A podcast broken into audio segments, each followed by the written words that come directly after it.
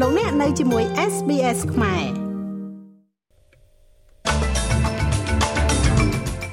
សេដ្ឋកិច្ចអូស្ត្រាលីកើនឡើងតិចជាងការរំពឹងទុករដ្ឋាភិបាលការពៀផែនការផ្លាស់ប្តូរចំពោះពន្ធលើប្រាក់សោធននិវត្តន៍ក្រោយពីបកប្រឆាំងចោទថាបំពានការសន្យាពេលបោះឆ្នោតបរិះដែលជាប់ចោទជាឃាតករត្រូវបានធ្វើបច្ចៈបានពីប្រទេសឥណ្ឌាជំវិញការស្លាប់របស់ស្ត្រីនៅ Queensland ម្នាក់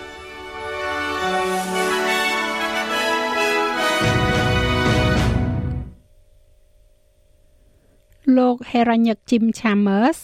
កំពុងតែផ្ដោតទៅលើការជួយដល់ប្រជាជនឲ្យសម្របខ្លួនទៅនឹងបច្ចេកវិទ្យាដែលជាគន្លឹះនៅក្នុងការធ្វើឲ្យប្រទេសអូស្ត្រាលីកាន់តែមានផលិតភាពខ្ពស់តួលេខចុងក្រោយនេះបង្ហាញថាសេដ្ឋកិច្ចអូស្ត្រាលីបានកើនឡើងតិចជាងការរំពឹងទុកផលិតផលក្នុងស្រុកសរុបដែលជារង្វាស់សំខាន់នៃសកម្មភាពសេដ្ឋកិច្ចបានកើនឡើង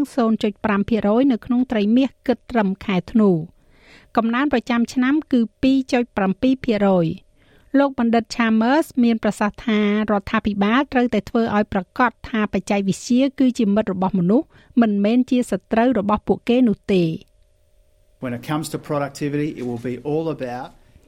នៅពេលដែលនិយាយអំពីផលិតភាពវានឹងនិយាយអំពីរបៀបដែលយើងវិនិយោគទៅលើមនុស្សរបស់យើងដើម្បីឲ្យពួកគេអាចសម្របខ្លួននិងទទួលយកបច្ចេកវិទ្យា ដូច្នេះបច្ចេកវិទ្យាធ្វើការសម្រាប់មនុស្សមិនមែនប្រឆាំងនឹងពួកគេទេ នោះគឺជាការនោះគឺជាការងារផលិតភាពសម្រាប់យើង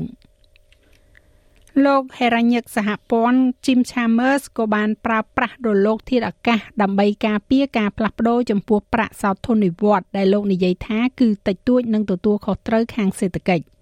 វាកើតឡើងនៅពេលដែលរដ្ឋាភិបាលសហព័ន្ធគ្រោងនឹងបង្កើនអត្រាពន្ធទ្វេដងទៅលើគណនី Super ដែលមានសមតុល្យលើសពី3លានដុល្លារពី15%ទៅ30%លោក Chambers បានប្រាប់ ABC ថាអ្នកបោះឆ្នោតនឹងជាអ្នកសម្រេចចិត្តចុងក្រោយពីព្រោះការផ្លាស់ប្ដូរនេះនឹងបញ្ចូលជាធរមានឡើយរហូតដល់ការបោះឆ្នោតអាណត្តិក្រោយ ហើយលទ្ធផលនៃការបោះឆ្នោតនោះនឹងកំណត់ថាតើយើងនឹងធ្វើការផ្លាស់ប្ដូរបន្តិចបន្តួចនេះឬក៏ប្រសិនបើលោក Peter Dutton នឹងសម្លឹងមកមើលលើ Medicare ឬក៏រោគប្រាក់តាមវិធីផ្សេងវិញ។នោះនឹងក្លាយជាជំរើសមួយដែលប្រជាជននឹងធ្វើឡើងនៅពេលបោះឆ្នោតបន្ទាប់ គណៈបកប្រឆាំងកំពុងតែបដិញ្ញាថាខ្លួននឹងផ្លាស់ប្ដូរត្រឡប់មកវិញចំពោះការផ្លាស់ប្ដូរការយកពន្ធលើប្រាក់ super របស់រដ្ឋាភិបាលសហព័ន្ធនេះមេដឹកនាំបកប្រឆាំងលោក Peter Dutton និយាយថារដ្ឋាភិបាលកំពុងវាយប្រហារមកលើប្រជាជនអូស្ត្រាលីដែលចង់មានបាន ហើយអះអាងថាការផ្លាស់ប្ដូរនេះ បង្ហាញថារដ្ឋាភិបាលនេះមិនគួរឲ្យទុកចិត្តនោះទេ។ You can understand why a lot of Australians are really scratching their head about អ្នកអាចបានយល់បានថាហេតុអ្វីបានជាប្រជាជនអូស្ត្រាលីជាច្រើនពិតជាអេះក្បាលរបស់ពួកគេដោយសារតែលោកនាយករដ្ឋមន្ត្រីម្នាក់ដែលឥឡូវនេះពួកគេមិនអាចជឿទុកចិត្តបានហេរ៉ាញឹកដែលពួកគេមិនអាចទុកចិត្តបានហើយប្រាក់ super របស់ពួកគេផ្ទាល់ឥឡូវនេះស្ថិតក្រោមការវាយប្រហារពីគណៈបក Labor យើងបានឃើញការផ្លាស់ប្ដូរដំបូងនៃអ្វីដែលខ្ញុំគិតថានឹងមានការផ្លាស់ប្ដូរជាច្រើននៅក្នុងប្រាក់ super និងមូលដ្ឋានពន្ធក្នុងអាណត្តិរបស់រដ្ឋាភិបាលនេះនឹងនៅក្នុងអាណត្តិបន្ទាប់ទៀតប្រសិនបើពួកគេជាប់ឆ្នោតម្ដងទៀតយើងពិតជាប្រឆាំងដាច់ខាតចំពោះរឿងនេះយើងនឹងបដិសេធវាជាដាច់ខាត។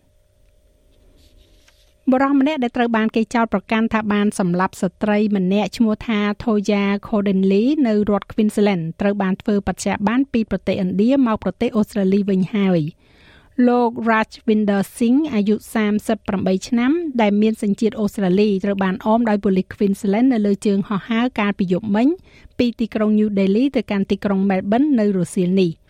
ប៉ូលីស Queensland ឥឡូវនេះនឹងដាក់ពាក្យសុំនាំរូបលោកទៅរដ្ឋ Queensland វិញដើម្បីសាកសួរជុំវិញឃាតកម្មកញ្ញា Codinley កញ្ញា Thoya Codinley វ័យ24ឆ្នាំត្រូវបានគេបន្ទះឃើញគេប្រទះឃើញស្លាប់នៅលើឆ្នេរខ្សាច់បន្ទាប់ពីនាងបានបណ្ដាលឆ្កែដើរនៅលើឆ្នេរ Wangketi នៅភូមិខាងជើងទីក្រុង Cairns ក្នុងឆ្នាំ2018លោកស៊ីងបានឡើងយន្តហោះទៅកាន់ប្រទេសឥណ្ឌាប៉ុន្មានម៉ោងក្រោយមកដែលបង្កឲ្យមានការតាមប្រម៉ាញ់រយៈពេល4ឆ្នាំ។ រហូតដល់ការចាប់ខ្លួនរូបលោកនៅទីក្រុងដេលីកាលពីខែធ្នូឆ្នាំមុនរដ្ឋាភិបាល Queensland បានបង្ហោះរង្វាន់1លានដុល្លារសម្រាប់ព័ត៌មានដែលនាំទៅដល់ការចាប់ខ្លួនរូបលោកនេះអភិបាលរដ្ឋលោកស្រី Anastasia Palasai មានប្រសាសន៍ថាលោកស្រីសង្ឃឹមថាការធ្វើបច្ចាប័ននេះនាំមកនូវការលួងលោមដល់ក្រុមគ្រួសាររបស់ Codinley Um, can I say how um, thankful we are for the police តែខ្ញុំអាចនិយាយបានទេថាតើយើងពិតជាអរគុណចំពោះការស៊ើបអង្កេតរបស់ប៉ូលីសនៅទីនេះណាស់វាពិតជាអស្ចារ្យណាស់នៅក្នុងការតាមដានមនុស្សម្នាក់នេះនៅក្នុងប្រទេសឥណ្ឌាហើយធ្វើបច្ចុប្បន្ននៅទីនេះហើយសង្ឃឹមថាវានឹងផ្ដល់ឲ្យក្រុមគ្រួសាររបស់ថូយ៉ានៅការលួងលោមចិត្តដែលប៉ូលីសបានធ្វើគ្រប់យ៉ាងដើម្បីយុត្តិធម៌ មន្ត្រីពន្ធនាគារមកពីពន្ធនាគារផាក់លាក្នុងទីក្រុងស៊ីដនីនឹងធ្វើកតកម្មនៅព្រឹកនេះជំវិញអ្វីដែលពួកគេនិយាយថាប្រាក់ឈ្នួលមិនសមរម្យនិងតាក់ទងទៅនឹងលក្ខខណ្ឌសុវត្ថិភាព។ពន្ធនាគារផាក់លានៅជិត Black Town នៅភូមិខាងលិចទីក្រុង Sydney មានកំណត់ត្រាអាក្រក់បំផុតសម្រាប់ការវាយដំយ៉ាងធ្ងន់ធ្ងរមកលើមន្ត្រីពន្ធនាគារនៅរដ្ឋ New South Wales ហើយបានកត់ត្រាការស្លាប់ចំនួន3នាក់ កុបកម្មម្ដង និងអគិភ័យ2ដងក្នុងរយៈពេលប្រមាណឆ្នាំចុងក្រោយនេះអគ្គលេខាធិការសហជីពវិស័យសាធារណៈលោក Stuart Little បានប្រាប់ 2GB ថាបុគ្គលិកកម្មករមកពីពន្ធនាគារផាក់លាកំពុងតែជួបប្រទះនៅលក្ខខណ្ឌការងារដ៏គួរឲ្យភ័យខ្លាច You go in to to work and you know you're seeing your mates getting belted អ្នកចូលធ្វើការហើយអ្នកឃើញមិត្តរួមការងាររបស់អ្នកត្រូវបានគេវាយនឹងខ្សែក្រវ៉ាត់អ្នកដឹងថានឹងបញ្ចប់ដោយការនៅក្នុងមន្ទីរពេទ្យបញ្ចប់ដោយប្រាក់សំណងបុគ្គលិកអ្នកដឹងថាពួកគេអាចដើរតាមផ្លូវត្រង់ត្រង់ហើយប្រហែលជាទៅធ្វើការនៅឯ Bunnings ដែលមានប្រាក់ខែប្រហាក់ប្រហែលគ្នា។ ចំនួនមនុស្សស្លាប់ដោយសារសោកនាដកម្មនៃការធ្វើចំណាក់ស្រុកចុងក្រោយបង្អស់នៅប្រទេសអ៊ីតាលីបានកើនឡើងដល់64នាក់ខណៈដែលរដ្ឋអាជ្ញាបានកំណត់អត្តសញ្ញាណជនសង្ស័យរត់ពន្ធមនុស្សដែលត្រូវបានចោទប្រកាន់ថាបានគិតប្រាក់ចំនួន78500ដុល្លារក្នុងម្នាក់ម្នាក់សម្រាប់ការធ្វើដំណើរពីប្រទេសទួរគីទៅកាន់ប្រទេសអ៊ីតាលី។ អ្នកស្លាប់រួមមានកុមារយ៉ាងហោចណាស់8នាក់ដែលបានស្លាប់នៅពេលដែលទុកឈើដែលផ្ទុកលើសចំណុះរបស់ពួកគេនេះបានបុកចូលទៅក្នុងច្រាំងសមុទ្រនៃឆ្នេរ Calabrian របស់ប្រទេសអូស្ត្រាលីសំទោសប្រទេសអ៊ីតាលីហើយបានបែកចេញពីគ្នាកាលពីព្រឹកថ្ងៃអាទិត្យនៅក្នុងសមុទ្រមនុស្ស80នាក់ដែលនៅរស់រានមានជីវិតប៉ុន្តែនៅមានមនុស្សរាប់សិបនាក់ទៀតដែលគេភ័យខ្លាចថាបានស្លាប់បាត់ទៅហើយ នៅពេលដែលគេជឿថាមានមនុស្ស170នាក់បានជិះនៅលើទូកនោះ។ លោក Sergio Di Dato គឺជាអ្នកដឹកនាំគម្រោងសម្រាប់អង្គការគ្រូពេទ្យគ្មានព្រំដែននិយាយថាសម្រាប់អ្នកដែលនៅរស់រានមានជីវិតមានអ្នកកំពុងតែបង្ហូរទឹកភ្នែកខណៈពេលដែលអ្នកផ្សេងទៀតតក់ស្លុតនិងស្ងៀមស្ងាត់ Di base c'è pianto មានមនុស្សជាច្រើនដែលយំយេកហើយវាយ៉ាងហោចណាស់គឺជាច្រកចេញមួយខណៈដែលអ្នកផ្សេងទៀតដែលនៅតែត្រូវការការគ្រប់គ្រងដើម្បីឲ្យដឹងពីអ្វីដែលបានកើតឡើង ពួកគេត្រូវបានជាប់នៅក្នុងសភាពស្ងៀមស្ងាត់មួយប្រភេទដែលស្ទើរតែលាក់បាំងនៅភាពដ៏ធំសម្បើមនៃអ្វីដែលគេកំពុងតែមានអារម្មណ៍និងអ្វីដែលពួកគេធ្លាប់មានបទពិសោធន៍ប្រទេសអ៊ីតាលីបានត្អូញត្អែរអស់រយៈពេលជាច្រើនឆ្នាំដែលបណ្ដាប្រទេសនៅអឺរ៉ុបបានច្រានចោលចំពោះការទទួលយកជនចំណាក់ស្រុកដែលភាគច្រើននៃពួកគេមានបំណងស្វែងរកគ្រួសារឬក៏ធ្វើការងារនៅអឺរ៉ុបខាងជើង។ ប្រធានគណៈកម្មការអឺរ៉ុបអូសាឡា von der Leyen បានអំពាវនាវឲ្យមានកិច្ចខិតខំប្រឹងប្រែងទ្វេដង ដើម្បីដោះស្រាយបញ្ហានេះឪពុកម្ដាយជនជាតិដើមភាគតិចនិងអ្នកមើលថែទាំកុមារដែលត្រូវបានគេដកចេញពីក្រុមគ្រួសារនិងផ្ដល់ផុសតាងនៅក្នុងសាវនាការសាធារណៈចុងក្រោយបង្អស់នៅចំពោះមុខគណៈកម្មការយុតិធធយុរ៉ុបរបស់រដ្ឋ Victoria គណៈកម្មការនេះបានវិលត្រឡប់មកវិញនៅថ្ងៃពុធសម្រាប់សាវនាការរយៈពេល2សប្តាហ៍ ពាក់ព័ន្ធទៅនឹងប្រព័ន្ធការពារកុមារនិងប្រព័ន្ធយុតិធធម៌ព្រហ្មទណ្ឌរបស់រដ្ឋនេះ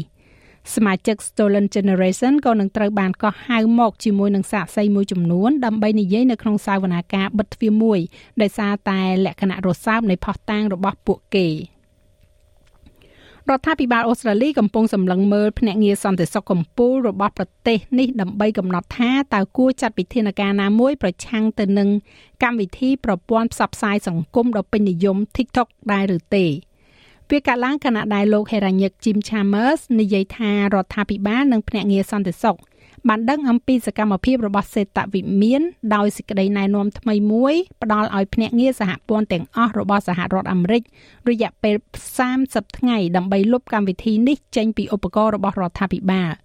សំណួរត្រូវបានលើកឡើងអំពីវិធីសាស្ត្រប្រមូលទិន្នន័យគួរឲ្យសង្ស័យរបស់កម្មវិធីប្រព័ន្ធផ្សព្វផ្សាយសង្គមរបស់ចិនមួយនេះ។ សត្វក្ងោកចំនួន20ក្បាលត្រូវបានមន្ត្រីនាំត្រឡប់ទៅដល់ផ្ទះម្ចាស់ចិញ្ចឹមវិញហើយនៅល្ងាចថ្ងៃទី28ខែកុម្ភៈឆ្នាំ2023នេះនៅក្នុងប្រទេសកម្ពុជាម្ចាស់សត្វក្ងោកបានបញ្ជាក់ថាចំពោះសត្វក្ងោកដែលរដ្ឋបាលព្រៃឈើបានដកហូតយកទៅ មានចំនួន20ក្បាលនៅពេលនេះបានវិលត្រឡប់មកគ្រប់ចំនួនហើយ។ ហើយអាសនៈចិត្តអីមកហើយមកអត់មានបន្លំអត់មានបាត់មានអីយកយកបន្លំទេអត់មានទេណាគ្រប់អត់បាទបាទត្រឹមត្រូវអស់ណាលោកយាយចាបាទត្រូវណាស់ខ្ញុំខ្ញុំអរចាស់លោកមេងផាឡានឹងជួនសេចក្តីរាយការណ៍លម្អិតនៅវគ្គក្រោយបន្ថែមទៀតឬលោកអ្នកអាចចូលស្ដាប់របាយការណ៍ពេញនៅលើគេហទំព័រ sps.com.au/ ខ្មែរ ក្រុមហ៊ុនជប៉ុនចំនួន6ត្រូវបានចោទប្រកាន់ពីបទបន្លំការដេញថ្លៃរបស់ពួកគេសម្រាប់កីឡាអូឡ িম্প ពិកទីក្រុងតូក្យូឆ្នាំ2020ក្រុមហ៊ុនទាំងនោះរួមមានទាំងក្រុមហ៊ុនផ្សាយពាណិជ្ជកម្មធំជាងគេរបស់ជប៉ុនឈ្មោះ Dentsu ដែលជាកម្លាំងសំខាន់នៅក្នុងការធានាការប្រកួតហ្គេមសម្រាប់ប្រទេសជប៉ុនក្នុងឆ្នាំ2013 រដ្ឋអាជ្ញាក្រុងតូក្យូបានចោទប្រកាន់អ្នកគ្រប់គ្រងនៅក្រុមហ៊ុននីមួយៗថាបានខុបខិតជាមួយនឹងមន្ត្រីគណៈកម្មាធិការរៀបចំកីឡាអូឡ িম্প ពិកទីក្រុងតូក្យូ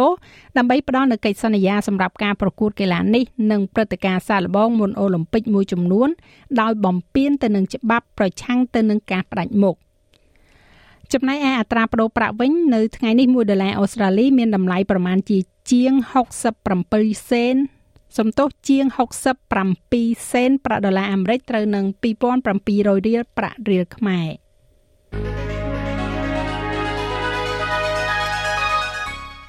ឥឡូវយើងក៏លេខមកមើលការព្យាករណ៍អាកាសធាតុសម្រាប់ថ្ងៃប្រហ័សស្អែកនេះវិញទីក្រុងផឺតមានពពកដោយពេល37អង្សា មានពពកនៅអាដាលេដ24អង្សាដូចគ្នានៅមែលប៊ន21អង្សាពពកដែរនៅហូបាត22អង្សា នៅ Canberra មានពពកដោយពេល27អង្សា Sydney រលឹមបន្តិចបន្តួច26អង្សា នៅ Brisbane មានពពកដោយពេល31អង្សា ទីក្រុង Cairns ភាគច្រើនបើកថ្ងៃ32អង្សា មានរលឹមនៅ Darwin 31អង្សា និងមានពពកដោយពេលនៅទីក្រុងភ្នំពេញ35អង្សាច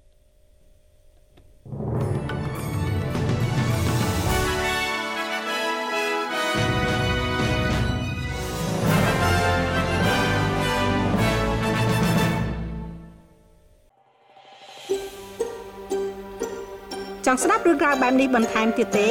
ស្ដាប់នៅលើ Apple Podcast Google Podcast Spotify ឬកម្មវិធីដទៃទៀតដែលលោកអ្នកមាន។